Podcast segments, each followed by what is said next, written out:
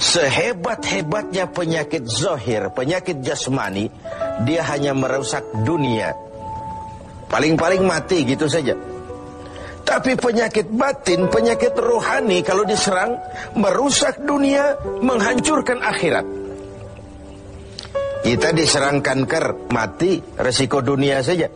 Kena ginjal, mati, paru-paru, mati, darah tinggi, mati. Tapi tidak berakibat akhirat. Maksudnya tidak ada nanti penduduk neraka ditanya, kenapa kamu masuk neraka? Kanker pak? Tidak ada. Kenapa kamu masuk neraka? Tumor pak? Juga tidak. Yang menyebabkan masuk neraka itu penyakit rohani. Jadi kata Al-Ghazali penyakit rohani itu kalau diserangnya kita rusaklah dunia, hancurlah akhirat.